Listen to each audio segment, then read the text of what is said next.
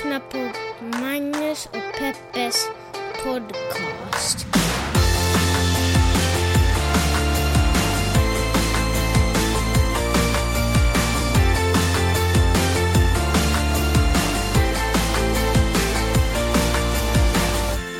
Hallå underbara medmänniskor där ute på internet. Jag hoppas att ni har haft en fantastisk vecka. Jag hoppas att er kommande vecka kommer bli magisk. För magi, det är någonting vi behöver i de här tiderna. Jag upplevde lite magi. Vi var i Joshua Tree här i helgen och eh, jag upplevde magi där, Peppe.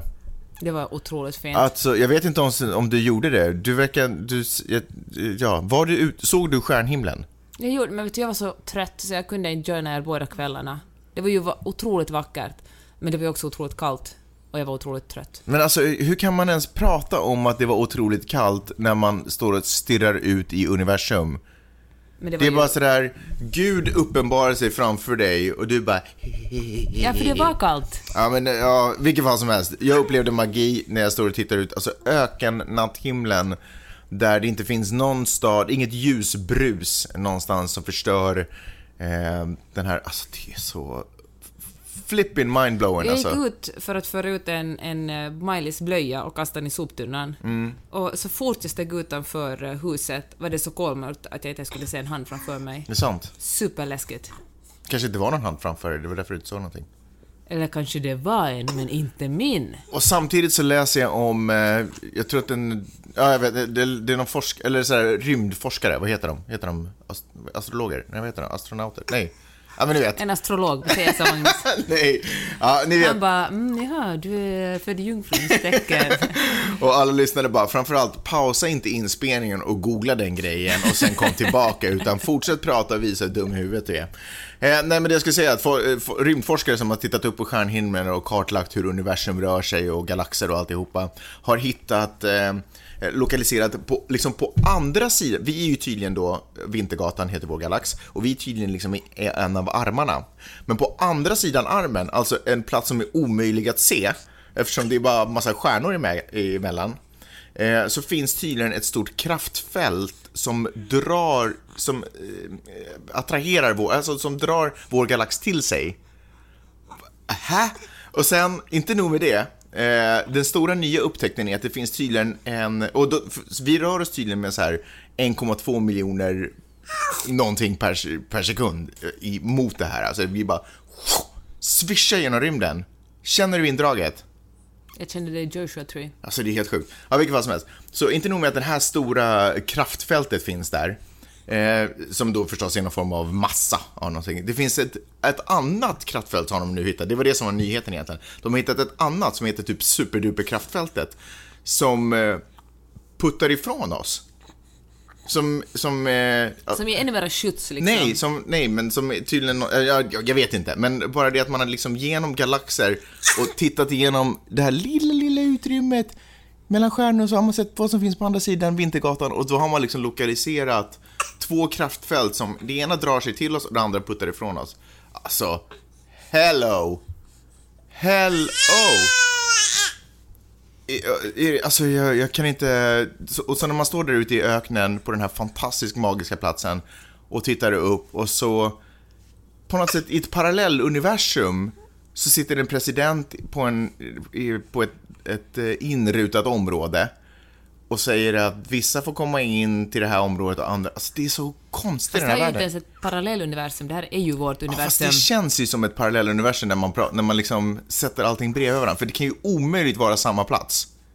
Där du vet, där det går omkring små kolbaserade former och, och sätter upp regler för vad andra kolbaserade former får och inte... Alltså det är så underligt. Vilket mastigt sätt du introducerar diskussionen om Trump.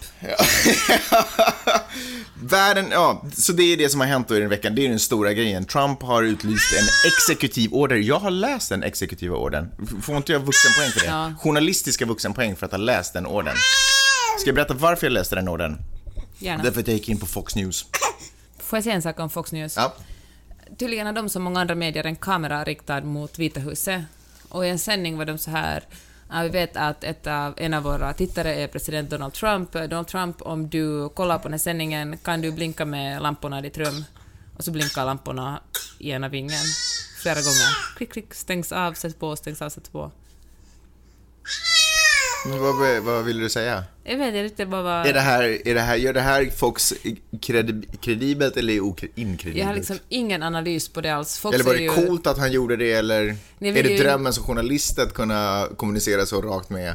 Nej, jag vet inte. Jag ville ju inte... Jag vet inte om jag berättade det, för jag ville inte dela det på Twitter när jag läste det där, för jag Nej. tyckte att jag inte ville dela sånt. Men eh, jag ville ändå berätta, det fanns någonting... eh, det fanns någonting lite coolt med det. Usch, Mm. jag, vill inte, ens jag vill inte tycka det, men jag tycker ändå det. Brukar du, brukar du titta på Fox News? Eller jag menar, det vet jag att du inte brukar, men brukar du eh, gå in och kolla vad de har för nyheter? Ibland gör jag det. Gör du det? Sällan, men ibland. Ja. Jag kände att jag måste, jag har utsatt så mycket för eh, liksom eh, lika, likasinnade medier som jag nog ändå måste kvar hålla att är de vettigare av. För jag tycker det där är svårt. Om folk är sådär, men hej, du borde kanske gå in och kolla på Breitbart eller Apixlat för att men det, balans. det har ingenting med journalistik att göra, men kan jag ändå känna att det- där finns väl Det är ändå... på gränsen. Men jag, men jag tänkte säga det där, att det blir, det blir liksom problematiskt om man, om, man, om man likställer någonting som är lite shadigt Ja. med någonting som på riktigt är seriöst Ja, journalistik nej, men- och säger att nu måste du ta del av den här andra världen Fox också. är ju ändå ett av de största nätverken här, kabelnätverken här, i, eller är det kabel? Ja men skitsamma, ett av de största nätverken Mm. här i, eh, i USA. Så att, att, inte, att inte gå in och titta på vad de rapporterar om hur de pratar om saker, det jag vet inte, då känner jag att jag missar en del. Mm. Att inte gå in på A-pixlar, det är en helt annan sak. Det är ju bara en liten, vet. Får jag fråga dig en sån här fråga som jag också är intresserad Det är som att springa och av, fråga eh, mobbarna vad ni också tycker. Det är sådär, men nej. Ni som lyssnar, vilken är er mediadiet? Vad betyder det? Vad tror du att det betyder?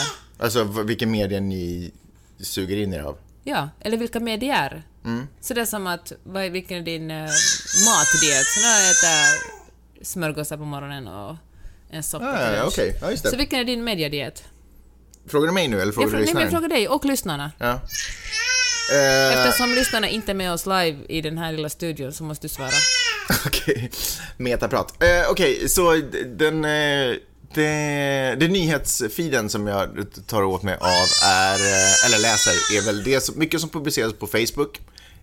Fast jag skulle säga så här, det som publiceras på Facebook inspirerar mig till vad jag vill veta mer om. Och sen så brukar jag vända mig till New York Times är min etta. Eh, ibland så skannar jag eh, DN och eh, SvD och Aftonbladet Expressen av någon underlig anledning. Eh, ja, så ser det ut förresten. Det var det. Inte LA Times till exempel. Nej, faktiskt, konstigt nog så går jag hem sällan in på LA Times, fast jag har den liksom. Men eh, jag går sällan in på den. Okej, men fortsätt. Du höll på att tala om något helt annat. Ja, jo, jo, jo, visst det. Precis, så det var dags för mig att, att göra min liksom, Fox-runda och kolla hur de, vad skriver de om de här sakerna? Eh, finns, det, finns det någonting i det de skriver och det som CNN och de här rapporterar som kan på något sätt tillsammans bli sanningen? Eller är det, ja, jag, ville, så jag gick in på Fox. Och så klickade jag på ett eh, videoklipp där, där de pratar om eh, just den här exekutiva orden och så sitter det någon, eh, liksom en politisk kommentator och, och pratar och är sådär, åh, oh, det här är ju superbra att han gör så här, Trump, bla bla bla. Och jag fattar inte ens var de har fått alla de här uh, sju länderna ifrån som drabblas, att det är ju bara Syrien som nämns i den här exekutiva orden, men det är den här mainstream med, eller men du vet, det är den här uh, liberala medien som håller på och pumpar ut, de nämns inte ens, bla bla bla. Ehm, jag undrar om folk ens har läst den här uh, exekutiva orden, bla bla. I, I think that again, the people who are screaming the loudest, uh, they're they're lying about it, saying there's a Muslim ban. No, there's not. There isn't a Muslim ban, or that Trump named seven countries. They need to read the executive order. They obviously did not. And so once again, it's a, I think almost like a collaboration between a very either ignorant uh, or deliberately lazy media that doesn't look into the facts before they report them. tänkte så här, ja men fan, det har ni en bra point. Jag sitter ju här bara och upprörs över egentligen vad andra människor rapporterar, så kanske jag bara läser exekutiva orden. Och då gick jag in på New York Times och så fanns det en länk till den exekutiva ordern, vilket jag tycker är ganska schysst av ett nyhetsmedia att rapportera. För roligt nog så hittar jag inte den länken på Fox, eh, till exempel, var den exekutiva. Eh, Att, att kunna läsa den. Så då gick jag in och så läste jag den exekutiva ordern. Och nu har jag sagt exekutiv order jättemånga gånger. Säg det en gång till. Nej. I dare you. Ja, så läste jag den. Och, eh, och det är mycket riktigt, de här sju länderna nämns ju inte vid namn som sådant. Det de, de nämns ju därför att, okej, ska jag berätta lite om, ska jag berätta om den här orden? Precis. Vad den handlar om är att, eh, och det här var ju också det som han har pratat om i hela sin valkampanj.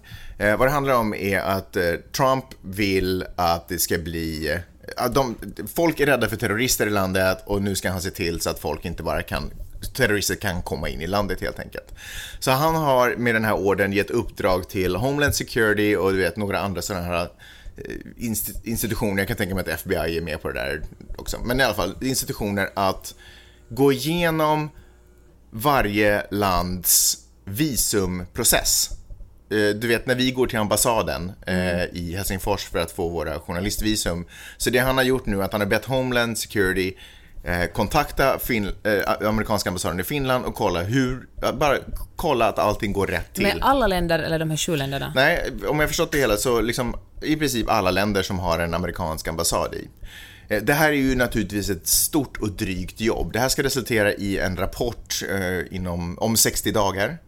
Eh, där eh, då de här, eh, vad det nu Homeland Security och någonting annat som ska liksom då berätta, ja men så här gör de här länderna. Och, och helt ärligt, i de här länderna verkar det gå ganska bra. Det föregås en intervju, det är bra människor som sitter och jobbar på de här ambassaderna. Och så att, Eh, Så att vi kan garantera att de som har fått visum och påstår sig vara journalister, de är journalister som kommer in. De, har inte, de är inte någonting annat än vad de... Slashasar som du och jag. Ja, men precis. De är inte någonting annat än de utger sig för att vara.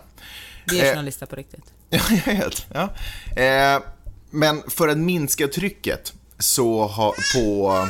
För de vill ju inte att det ska passa ström och de kan ju dessutom, dessutom inte heller gå ut och varna världen och säga att hej, att om två månader kommer vi sätta igång med en sån här process. För då är de ju rädda att folk kommer bara toksöka visum innan det här träder i kraft. Eh, eller innan den här undersökningen börjar för att liksom kunna komma in, smita in i landet innan. Så de gör det ganska snabbt.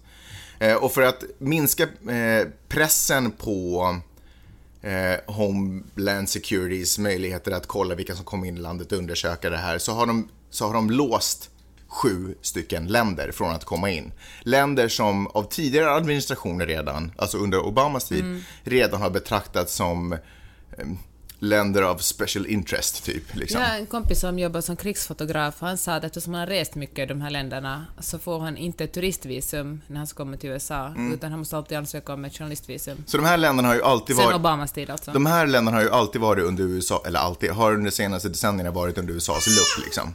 Sen samtidigt, hur, mycket, hur många terrorist, eh, terrorister har på riktigt Absolut. Jag- begått jag- terroristhandlingar i USA? Jag försöker bara förklara de vad den här orden, vad, det, vad som egentligen står i den. De här länderna står sammanfattade i ett annat dokument som kallas för en någonting.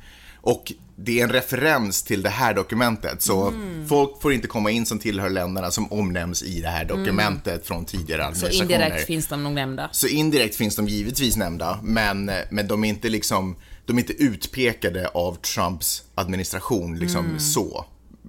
Per se, förstår vad jag menar? Ja. Utan de är av USA redan sådär. Eh. Eh, sen när det kommer till Syrien är de enda som omnämns eh, specifikt och där i den här orden så står det också att när det kommer till att ta emot flyktingar så kommer vi inte göra det. Eh, vi kanske ändrar det här beslutet om det börjar uppstå någon form av om det finns ett vinstintresse för USA eller du vet att det finns någon fördel för USA att ta in och, och som det är nu så upplever inte den här administrationen eh, att det skulle finnas det. Så, där, så sy, syri, syrianer har de helt blockat. Det, det, det kommer liksom inte hända. Jag läste att Obama inte heller var supergenerös. 15 000 syrianska flyktingar gick Mm. han med på att ta in. Det kan ju vara så att när eh, Homeland Security och alla de här har gått igenom och kollat hur Iraks visumprocess går till, att de kommer släppa det här. Knappast, men det kan vara så. Åtminstone uttrycker inte orden om att det här skulle vara liksom ett, eh, en för evig ban. Eh, Och det är roligt för det sa han ju också i, i Fox-nyheterna. Det här handlar inte om en ban, det är liksom bara media som pratar om en ban. Fast Trump har ju själv tweetat om att det Ja. skulle vara en ban. Så Ja. det är ju liksom... Ja, skitsamma. Men, Men du, eh, ungefär så ligger det till. Jag hoppas att det var någorlunda klart och tydligt. Det var det. Bra Magnus. Ja. Jag gläder mig att du läste den där executive ordern. Så, Ja. gör, så gör en riktig journalist. Ja, men man vill ju också veta hur, vilken risk man själv ligger, liksom, det, om, det, om det här någonsin skulle kunna drabba en själv och det, det känns inte riktigt så. Det, USA är ju rädd för, rädda för muslimska terrorister. Det är ju det de är Mm. Fast jag känner ändå att det börjar vara dags att Vilket söka green card. Ja, det kanske det är, men vilket är roligt, för det springer runt kristna terrorister och, och skjuter sönder folk i moskéer och sådär, men Ja, det som hände i Kanada. ja. Som dessutom var en Trump-anhängare, eller liksom fan av Trump. Mycket saker som är roligt i den här exekutiva orden. Fan, jag borde... Roligt. Ja, men ironiskt. Är, Eh, den, är den skrivet i sarkasm liksom? Eh, man skulle nästan kunna tro det. Jag ska läsa upp lite här. Lyssna på den här biten. Jag kommer lägga upp den här. eh, Det här finns på flipboard, eh, flipboard.com och så letar man efter Magnus och Peppers podcast så kan man gå in och läsa den här exekutiva orden alldeles själv. Det här som jag ska läsa upp är taget från eh, section 1. Någonstans i, i slutet kan man nästan säga. Så här står det då. Eh, litet utdrag då förstås. Eh, In addition, the United States should not admit those who engage in acts of bigotry or hatred, including honor killings or other form of violence against women, um, or those who would oppress Americans of any race, gender, or sexual orientation. Är inte det superroligt att det står i den här sektionen att de, att de vägrar, att man, de, eh, de borde ägna sig åt att inte släppa in folk som utför våld mot kvinnor och som eh, inte, och som eh, oppress, förtrycker eh, amerikaner eh, på grund av sin, deras ras, alltså om man tittar på hur USA är uppbyggt. Eh, och deras, sexu- eller deras kön, alltså hur, vilken liksom Man kan ju säga att det första Vithuset gjorde var att ta bort sektionen Ja. som handlar om, eh, med HBTQI-rättigheter Ja, från sin or sexual orientation. Det känns ju som att hela Trump-administrationen inte borde få tillåtelse att komma in i landet För att igen. inte tala om uh, kvinnors rätt till sina egna kroppar. Jag Ja. menar, Ja, ja. stängde av finansieringen till Planned Parenthood och... Det är superironiskt. Ja, men kanske de var ironiska.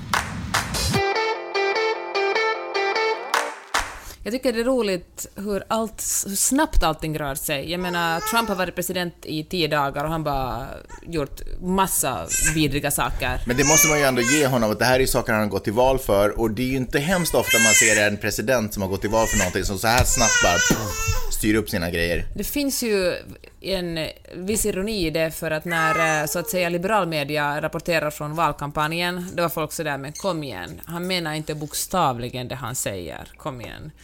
Och, eh, och sen samma sådär att hans väljare är lite dumma i huvudet för de tror att han menar bokstavligen att han ska bygga en mur och inte släppa in muslimer och det ena och det andra. Och eh, tada, Ja. han menar bokstav- bokstavligen. Men, Beslagklicken. Ja, jag är inte så bra på att prata. Men det som också är spännande är hur företag reagerar på det här, för att när, eh, när, den här, eh, när de här fick inreseförbud, de här eh, sju länderna, började, åkte ju folk ut till JFK, också LAX, och demonstrerade. Och då, då strejkade taxichaufförerna i New York. De höll en timmes strejk i solidaritet till alla de människor som inte kommer in till landet. Och vad gör Uber då? Jo, de meddelar att de tar bort sina search prices, skickar ut en tweet och ett mejl åt alla. Hej, eh, vi kommer inte att, ni kommer inte betala något extra för att åka till, till eh, JFK, kör hårt. Vilket ledde till att folk blev alldeles rasande, för de profiterar ju egentligen på att inga taxibilar kör Ja, plus att de, eh, de går ju emot, alltså de underminerar ju en strejk. Ja, eller precis. en, en, ja, eller vad man ska kalla det. Och så folk... Svartfötter brukar de kallas. Folk som går på jobb fast det är Ah. utlyst strejk. Och i och för sig är de ju tekniskt sett inte taxi, men det är en annan Ja, diskussion. I praktiken är de det tillhandahåller ju tjänsten. Och eh, så då gick ju folk ut med hashtaggen delete Uber och la upp en massa bilder på sociala medier hur de hade mm, deletat sin app och vilken sorts feedback de hade Jag har gett. faktiskt deletat appen också. Jag tog Lyft istället för Uber, jag Ja. ännu, men jag ska också deleta min. Ja, fast jag så inser jag att delita appen räcker ju inte, man ska ju delita kontot. Ja, gav du feedback åt dem också? Nej, men jag har inte delitat kontot, så nu måste jag installera appen så att jag kan delita kontot. Jag såg att någon hade, folk har ju varit superkreativa också med den feedbacken Mm. och förklara varför de deletade men det var någon som hade copy-pastat in hela manuset till A Bee's Life. Kommer du ihåg den där ganska dåliga Jerry Seinfeld-filmen som handlar om ett bi och en kvinna? Underligt. Men vad händer då eftersom det här är snabba vändor? Då går konkurrenten Lyft in och är sådär vi, vi kommer att eh, donera, eller samla ihop en miljon dollar och donera till eh, ACLU som är en non-profit-organisation som hjälper med bland annat juridisk rätt för de som inte fått komma in i landet. Och eh, så de är de, de är de good guys. De märker att okej, nu hatar folk Uber, nu är det vår chans att sticka in och eh, vad fan, eh, om de faktiskt samlar ihop en miljon dollar och donerar den så jättebra, de får ju inte bara liksom goodwill utan de gör något gott också. Och då tänker jag att samma sak har ju eh, Justin Trudeau, alltså statsministern, i, premiärministern i Kanada gjort. För han är ju så fort Trump sagt att det är flyktingstopp säger han hit är alla välkomna. Så han passar på att bygga Kanadas brand precis som Lyft bygger sitt brand. Ja, Kanada. Kanske, skulle du kunna tänka dig bo i Kanada, Peppe? Ja, ja, kanske det. Det är lite kallt. Det är, Det är så norr det. bara. Det är så långt norrut, ja. Nej men, eh, ja, nu hoppas jag bara att Lyft kan sprida sig lite, kan lyfta sin business och sprida sig lite över världen. De, de finns ju typ bara i USA, finns de till och med bara i Kalifornien? Nej, jag tror de finns i hela USA Ja, faktiskt. oavsett så finns de inte i Sverige. Men det är kanske är dags att någon tar dem till Sverige och Finland. Ja. Och jag är också nyfiken Men har man på... inte alltid känt på sig att Uber inte är Alltså, de är riktigt lika goda? Man har ju åkt omkring med liksom en liten klump i magen varje Nej, gång. det har man inte gjort. Nej, det men- behöver du inte, du behöver inte hoja.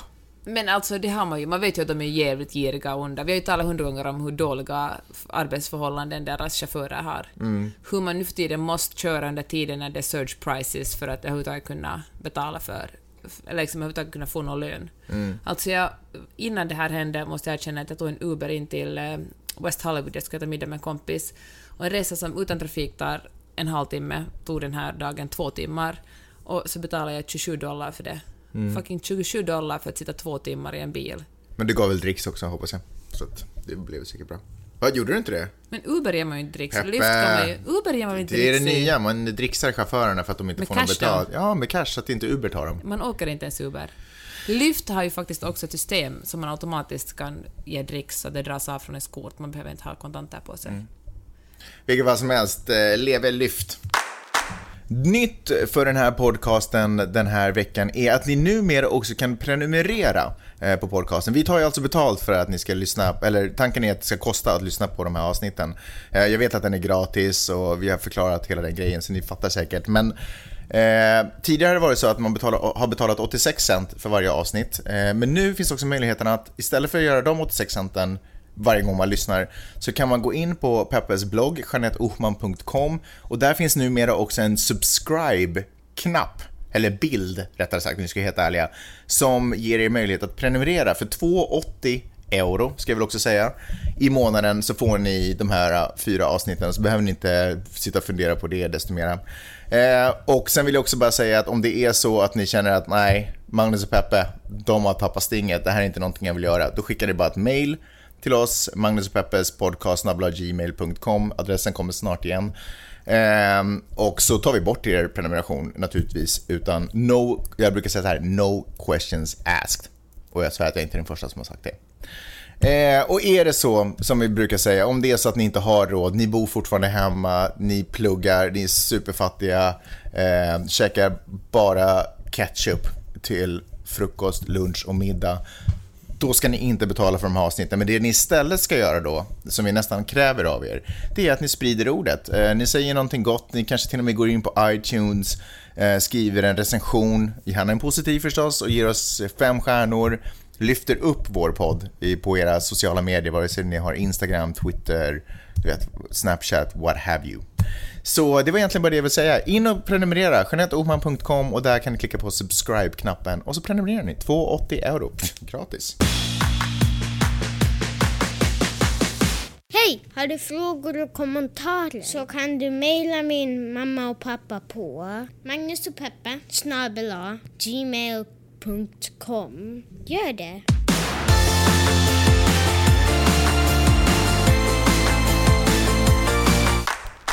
Vet du vem Gwendolyn Christie är? Gwendolyn Christian, nej?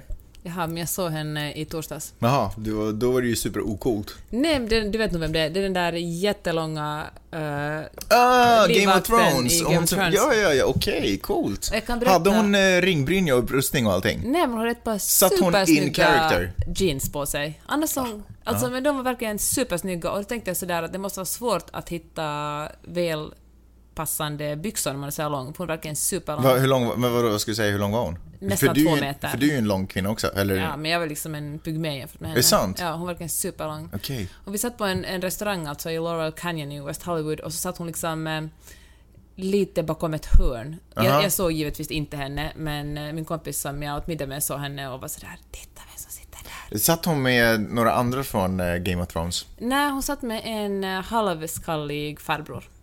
Ha, det var en underlig detalj att få. För att det skulle vara roligt om hon skulle till med Jon Snow och Ja, den där men eh, exakt. korpen. Ja. Och, eh, som spelas av Max von Sydow. Korpen? Ja, Hur då? jag tyckte jag läste det på IMDB just. Men vadå, hur, hur spelas Max von... Hur då? Fattar ingenting. Hittar du bara på nu eller? Du har ett jättekonstigt flin på, eh, i ansiktet. Äh, vi tar nästa. Jag skrev på min HBL-blogg om aborträtten och hur eh, Trump har... Vad har du för adress till din HBL-blogg? Den ligger på amerika.blogg.hbl.fi. Skriver superintressanta saker om vårt liv här i Los Angeles. Och då skrev jag om att eh, Trump alltså begränsar aborträtten i, i och med att han tar bort finansier, all statlig finansiering till organisationer som hjälper kvinnor med eh, olika kvinnosjukdomar. Det handlar inte ens om bara abort, utan det är också folk som har bröstcancer eller sexualundervisning och liksom preventivmedel och allt möjligt. Men jag råkade skriva om aborträtten och så skrev jag om att eh, det är ett, eh, i en demokrati och ett, eh, jämlikt, i, en jämlikt, i ett jämlikt samhälle så har kvinnor rätt till sina egna kroppar. Och då var det någon som inte tyckte som jag som skrev en, ett långt och kritiskt en lång och kritisk kommentar på min blogg. Jag kan läsa upp den. Ja, Det här är bara slutet av den, var så lång så jag kan inte säga. En annan bloggare kunde ha skrivit en av Trumps första handlingar var att lyfta upp det ofödda barnets rätt till liv. Det är den andra sidan av slanten. Men den tanken kommer inte ens upp i bloggen. Varför? Skulle vara intressant att höra hur Peppe resonerar om det. Att protestera mot en inskränkning av ett barns rätt till liv är att stå upp för människans lika rättigheter. En som inte kan tala för sig själv. Här handlar det inte bara om kvinnans rättigheter utan också om barnets. En stor fråga för att ignoreras i en blogg. Och eh, då tänker jag så här att ett befruktat ägg är tyvärr inget barn. Vi, Men vänta, pratar hon om ett befruktat ägg förresten? Nej, men jag skriver om aborträtten. Ja. Det finns ingen här... ja, ja, ja, jag menar just just det, förlåt, ja. Mm, precis, ja. att eh, det att en spermie träffar ett ägg, då är det inte ett barn. Sen finns det ju en lagstiftning som säger att fram till vecka, jag tror det är fram till vecka 12 här i, i USA får man göra abort. Och eh, jag tror att, jag vet inte om det är 18 eller 12 i, i Finland och Sverige, jag tror att det är som 12 får man göra det ganska lätt och sen 18 ifall fostret har någonting, nå liksom, är fostret är sjukt eller fara för mammans liv. Nu kan jag inte detaljerna, men det finns alltså, poängen är den att det finns en lagstiftning som säger att vid, det här, vid den här tidpunkten talar vi om ett foster, då är det inte längre ett embryo eller ett befruktat ägg. Och eh, så, så nej, kära, kära kommentator, eh, det handlar inte om att inte höra ens barn, ingen mördar barn här, utan det handlar bara om en kvinnas rätt till sin egen kropp. ja. Det här är ju liksom en trend att abort, aborträtten är ju en trend som, eh, som går genom Europa också. Jag menar i Spanien talade om det för några år sedan, i Polen försökte man rösta igenom ett helt extremt eh, abortförbud. Där, nu för tiden är det förbjudet att praktiskt taget göra abort i Polen, förutom om man blir utsatt för incest eller våldtagen eller mammans liv är i fara. Men de försökte ta bort till och med de rättigheterna. Och det här leder egentligen bara till att folk åker till Tyskland och Nederländerna och uh, gör aborter där. Men det är ju liksom en... eh, eller så gör man hemmagjorda aborter med fara för sina egna liv. Otroligt obehagligt. Får jag säga en sak? Eh, oftast när man pratar om folk som är pro-life så då kommer just de här eh, fruktansvärda situationerna upp där folk sitter hemma med synår, eller liksom man, man nämner det gärna i samband med att prata om varför pro-life människor är dumma. Eh, så pratar man om fruktansvärda situationer där folk gör abort med galgar hemma, typ och sådär. Jag vet inte hur pass vanligt förekommande det är. Kanske i världen oftare än vad det borde, givetvis. Men, men det som jag tycker kanske är lite orättvist i det är att man demoniserar, eller att man liksom förlöjligar, fördummar och eh, skapar en bild av människor som har en annan uppfattning om när livet börjar. Eh, Nej, för vet du vad? För ingen har liksom förlöjligat och fördummat någon här. Eller det har kanske någon gjort, men... men man målar ju upp det i sam- i samband med liksom skräckscenarier och... Fast jag tror att det är så pass farligt. Det är en så stor sak. Alla har ju rätt att tycka vad de vill. Jag menar, det folk får... Kanske man har en tro som säger att när ett ägg befruktas, en, liksom någon slags religiös tro, när ett ägg befruktas är det ett barn. Men då får man hålla sin tro, men man kan liksom inte sträva efter att ändra lagstiftningen i ett helt land Varför då? För att det handlar om hälften av befolkningens rätt att bestämma över sina egna liv. Mm. Det finns ju en lagstiftning kring det. Det finns lagstiftning som säger nej, vi får inte mörda vårt, vårt, vår treåring. Ja. Eller vår 15-åring, trots att man kanske vill det ibland. Men, men eh, vi har nu kommit överens om, på basen av eh, vetenskapen eller Fast- medicinen, att ett barn, ett embryo blir ett foster i vecka fan vet jag vilken vecka det är, och efter det får vi inte längre Fast man kan inte använda argument som att vi har nu kommit överens om, för då borde vi alla bara acceptera Trump. För att vi har ju uppenbarligen, eller amerikanerna har ju uppenbarligen kommit överens om att det är Trump som ska vara där med sitt system. Så man kan, man kan liksom inte, när, man kan inte när det passar en själv i ens egen argument- argumentation vara sådär, no, nu har vi faktiskt kommit överens om, nu får ni sluta tjata om det här med Fair pro-life. enough, fair enough. Men det handlar liksom om... eh, Men jag tycker att det är viktigt att man faktiskt tar upp hårdhandskarna när det handlar om att begränsa kvinnors rättigheter till sina egna kroppar. Det handlar ju om liv. Ja, men precis. Men, men, alltså, men om, man, om man är av den övertygelsen, jag tror inte ens att, ens att det behöver, det här är också en sån där grej att man bara försöker lite insinuera att det här är religiösa fanatiker. Jag tror att, alltså, om man är av uppfattningen att, om man är av den, ja, uppfattningen helt enkelt, världsuppfattningen att liv börjar vid det, man pratar inte kanske nödvändigtvis om att det blir ett barn just då, men om att liv börjar där och det nya livet är mycket, mycket viktigare än det äldre livet. Men- Så varför får man inte stå all- upp för dem, den sanningen? Men det nya livet är mycket viktigare än det äldre livet. Ja, men- där finns det ju liksom en, en, en värdering. Ja, I- men det gör det ju i motsid, eller liksom så att säga i vår argumentation också, att det äldre livet är det viktigare än det nya livet. Det, det handlar inte om, om, det, handlar, det handlar om att det inte är ett barn, det är liksom ingen person. nej, nej, Men, men däremot livet. är mamman en person. Men, men, eh, men vadå livet? Liksom, är det människolivet då det handlar Ja, om? nej men om, du vet om man har den filosofin att eh, liv, kan, att liv ska det värnas om, vare sig Men det vet är... du vad, då tycker jag att man ska ställa sig på barrikaderna och börja ta in syriska barn och liksom andra, eller och Afghanistans barn och andra barn i krigszoner. Fan, börja där då Men det kanske för- man gör. Nej, det gör man faktiskt Varför inte. tror du att de här, förkn- att de här människorna som är... Därför att de är oftast de människor Nu pratar du ju om, om politiska pro... Att, att poli, nu pratar du egentligen, tror jag, om politiker som använder pro-life i argumentation att få röster. Det tror jag, i syfte att få röster och få makt. Det tror jag. Jag tror att det finns onda människor. Men tror du att alla de som går och protesterar utanför abortkliniker och till och med liksom hotar, liksom mordhotar läkare som utför aborter, det händer ju ganska, inte helt sällan här i, i USA. Jag la upp en, en text, det ligger lite långt ner, men en text på, på, på The Atlantic där en, en eh, abortläkare sa att hon vågar liksom inte berätta för sina, sitt barns sitt barns kompisars föräldrar att hon jobbar med aborter eftersom hennes barn aldrig ska någon leka med eftersom de är så rädda för att deras hem ska bli, för att den här abortläkarens hem ska bli bombat. Jag menar, jag tror att alla de här människorna står med de skyltarna utanför abortkliniker samtidigt jobbar för att rädda barn från andra länder, Nej, men... eh, från Nej. krigszoner.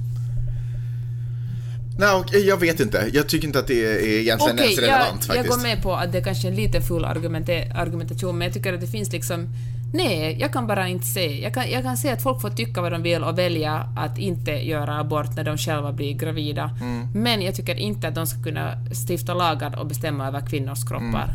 Jag tror faktiskt egentligen att det är väl först där jag börjar hålla med dig. För att det som är problemet med...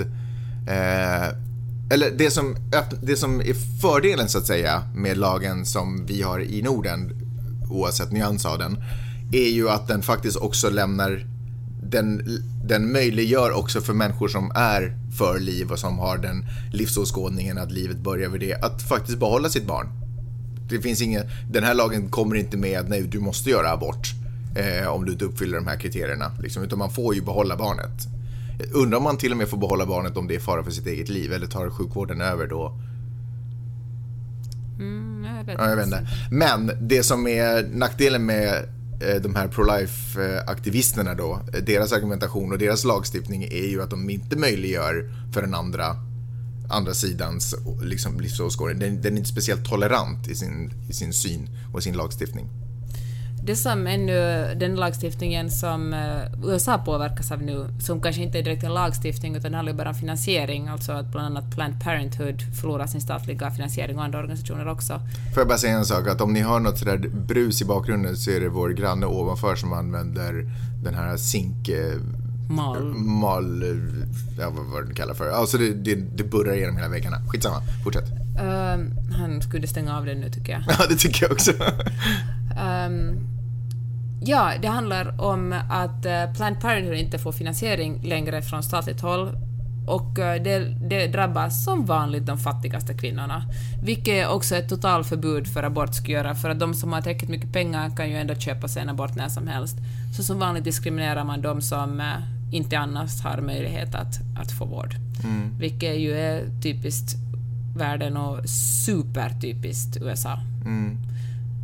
Det här talade vi om redan tidigare, men det som Mike Pence som är vicepresident, han är ju liksom, han hatar ju kvinnor, homosexuella och latinos, alla som liksom inte är vita män. Och, eh, och han, eh, det här tal- har vi sagt men jag tycker det är lite humoristiskt, folk har ju börjat donera otroligt mycket pengar för Planned Parenthood och gjort det i hans namn, så han är nu tror jag den tredje största donatorn för Planned Parenthood. Mm, det är roligt. Men... Och då, då när vi, förra, I förra avsnittet när vi talade om att vad, kommer Trump att sitta i fyra år eller inte, så det, det som vi glömde nämna är att om Trump inte längre sitter, eller om någon tar livet av Trump eller, vad som än, eller om han liksom måste avgå, om Mike Pence blir president, det kommer ju att vara till och med värre, för han är verkligen... Han är, ju så ond, så genom ond. Ja, ett sånt människohat i sig. Det slog mig en grej nu att vad heter det, sådana här regler som eh, konservativa oftast vill dra igenom och alltihopa, de tänder, det- känns som att de alltid drabbar de eh, minst lyckosamma i samhället. Mm. Men de längst ner i hierarkin. Liksom. Minst privilegierade. Fattiga kvinnor, boom, varsågoda, ta all den skiten. Och då tänkte jag så här, men hur kan, varför, eh, vad, vad är det som, varför, varför har man inte de här människornas, eller varför har man inte människors lidande i åtanke? Liksom? Och då slår det mig att kanske alla inte tänker som jag. Men, men det jag menar är att varför... För jag tänker så här att... Du är din gamla pro-life. Nej, men det, det som jag tänker, eller det som är viktigt för mig, det är ju att Vet ha... vad du är? Du är sådär, hashtag all lives matter. Men vad snackar du om? Jag försöker säga en helt annan sak. Jag tänker så här att eh, det man kan göra för att livet ska vara så lätt som möjligt, det ska man typ göra. Eh, så länge man inte skadar någon annan. Så om, om jag var, liksom, försöker jobba på att ha så bra dag hela tiden som möjligt. Men nu inser eller nu kommer jag tänka på att de flesta människor, eller väldigt många människor på jorden har ju inställningen att livet lite är ett lidande. Att det är liksom, det är en del av paketet. Att det är inte sådär... det är- Alla, du menar att alla inte är som du? Nej men, jag, jag men, det var ju exakt det jag sa. Men jag menar att då, då är det ju förstås då är det ju logiskt att man inte tar hänsyn till människors att, att du vet, folk lider av de här besluten. Och då man liksom vill hjälpa dem lite på traven genom att göra dem ännu mer lidande? Nej, nej, nej, men därför Nej, men då kan man istället fokusera på det man upplever som viktigt i filosofier och, och religioner och du vet, så här livsåskådningstankar om, om livet och sådär. Det är klart, då kan man ge hur mycket utrymme som helst till dem på bekostnad av andra människor därför att för det första så är livet per definition ett lidande. Så det spelar inte stor roll, så då kan vi lika väl försöka höja de här idealen till skyarna. Whereas jag kan mer tänka sådär att kanske vi, om de här idealen orsakar mig lidande, då kanske jag skiter i att ha de där idealen för att istället bara kunna ha ett lättare och trevligare liv. Eller orsakar andra människor lidande. Ja, ja, men jag precis, menar men- Mike men- Pence, för att ta ett exempel, Donald Trump, Men de lider ju inte så himla mycket av att, att uh, aborträtten begränsas. Nej men förstår du ändå vad jag menar? Att, att människor är sådär, "Hold- dude, du fuckar upp mitt liv, är liksom inte en argumentation därför att livet är en fucked up grej från början. Fast jag håller inte riktigt med det här, för de människor som stiftar såna här bloggar, de är ju inte sådär, det är ju inte människor som är sådär att nej, vi höjer uh, de här konservativa, de är inte sådär, vi höjer skatterna. Men Jag, jag tror- betalar gärna mera skatt för att fler ska få det bättre, Jag för att jag fattar- vill vara en, en eh, samarit. Men, men jag förstår, alltså ja, fine att det är många av de här sakerna, men jag tror inte heller nödvändigtvis att de här människorna som är beslutsfattande, som är verkligen på riktigt konservativa och verkligen skulle stå bakom de idealen i vått och torrt, fast man väckte dem mitt i natten. Jag tror att inte heller att de nödvändigtvis alltid har så himla lätt, alltså de kan ju inte vara gay om de är det. Alltså du vet, det är ju massa saker som de måste tampas med säkert om, eller vad fan det nu kan röra Att du sig menar om. att de är smyg-gay, men liksom... Nej, nej, men jag menar att det, det var inte det som var fokus. Jag bara menar att, att när man, om man är konservativ så har man ju det handlar ju om att konservera massa, massa inrutade mönster som man måste hålla sig fast vid. Och det är klart att det skapar ju begränsningar i sitt liv. Men en del av deras livs, livsuppgift verkar vara att liksom det är liksom, det är liksom livet, att, att plågas inom de här ramarna och, och, men höja upp det till ett ideal så gör att det blir värt det. Fast jag hör vad du säger och jag uppskattar det typiskt är att vara så jävla förstående. Men ofta, det är ju sällan de här konservativa, det är ju sällan deras liv personligen påverkas av deras egna lagar. Nej, det, det tror jag inte alls. Jag, Jag men, menar det det, att- var därför jag tog upp gay som ett exempel, för det är ju, det är ju oftast, det är ju, det är ju de som det blir situationer av när konservativa åker fast för att ha haft sexuell förbindelse, alltså en kon, eh, konservativ man åker fast för att ha haft, de, de är de enda som kan åka fast för att ha haft sexuell relation med en annan man. En liberal kan ju inte åka fast för det, därför att det är helt inom spelets regler att vi får vara vilka vi är, liksom. Förstår du vad jag menar? Så det är klart att de har... Fast det handlar De- om mer än det. Det handlar ju liksom att, att eh, begränsa människors uh, Ja, men de begränsar- livsutrymme. Ja, de men alltså... Nu talar du liksom om ideologier, och, eh, men, men jag talar om Mm. Men är utifrån- konkret lagstiftning. Ja, men det är utifrån de där ideologierna. Konservativa skapar ju lagar utifrån ideologier. Och liberala verkar ju skapa lag, eller tänker jag skapa lagar utifrån... Eh, Alla människors lika rättigheter. Ja, men kanske- Men inte en ideologi också det? jo, men förstår vad jag menar? Att, jo, jag vet, men okej. eh, För jag tänker så här att... att med ideologier som är närmast besläktat med...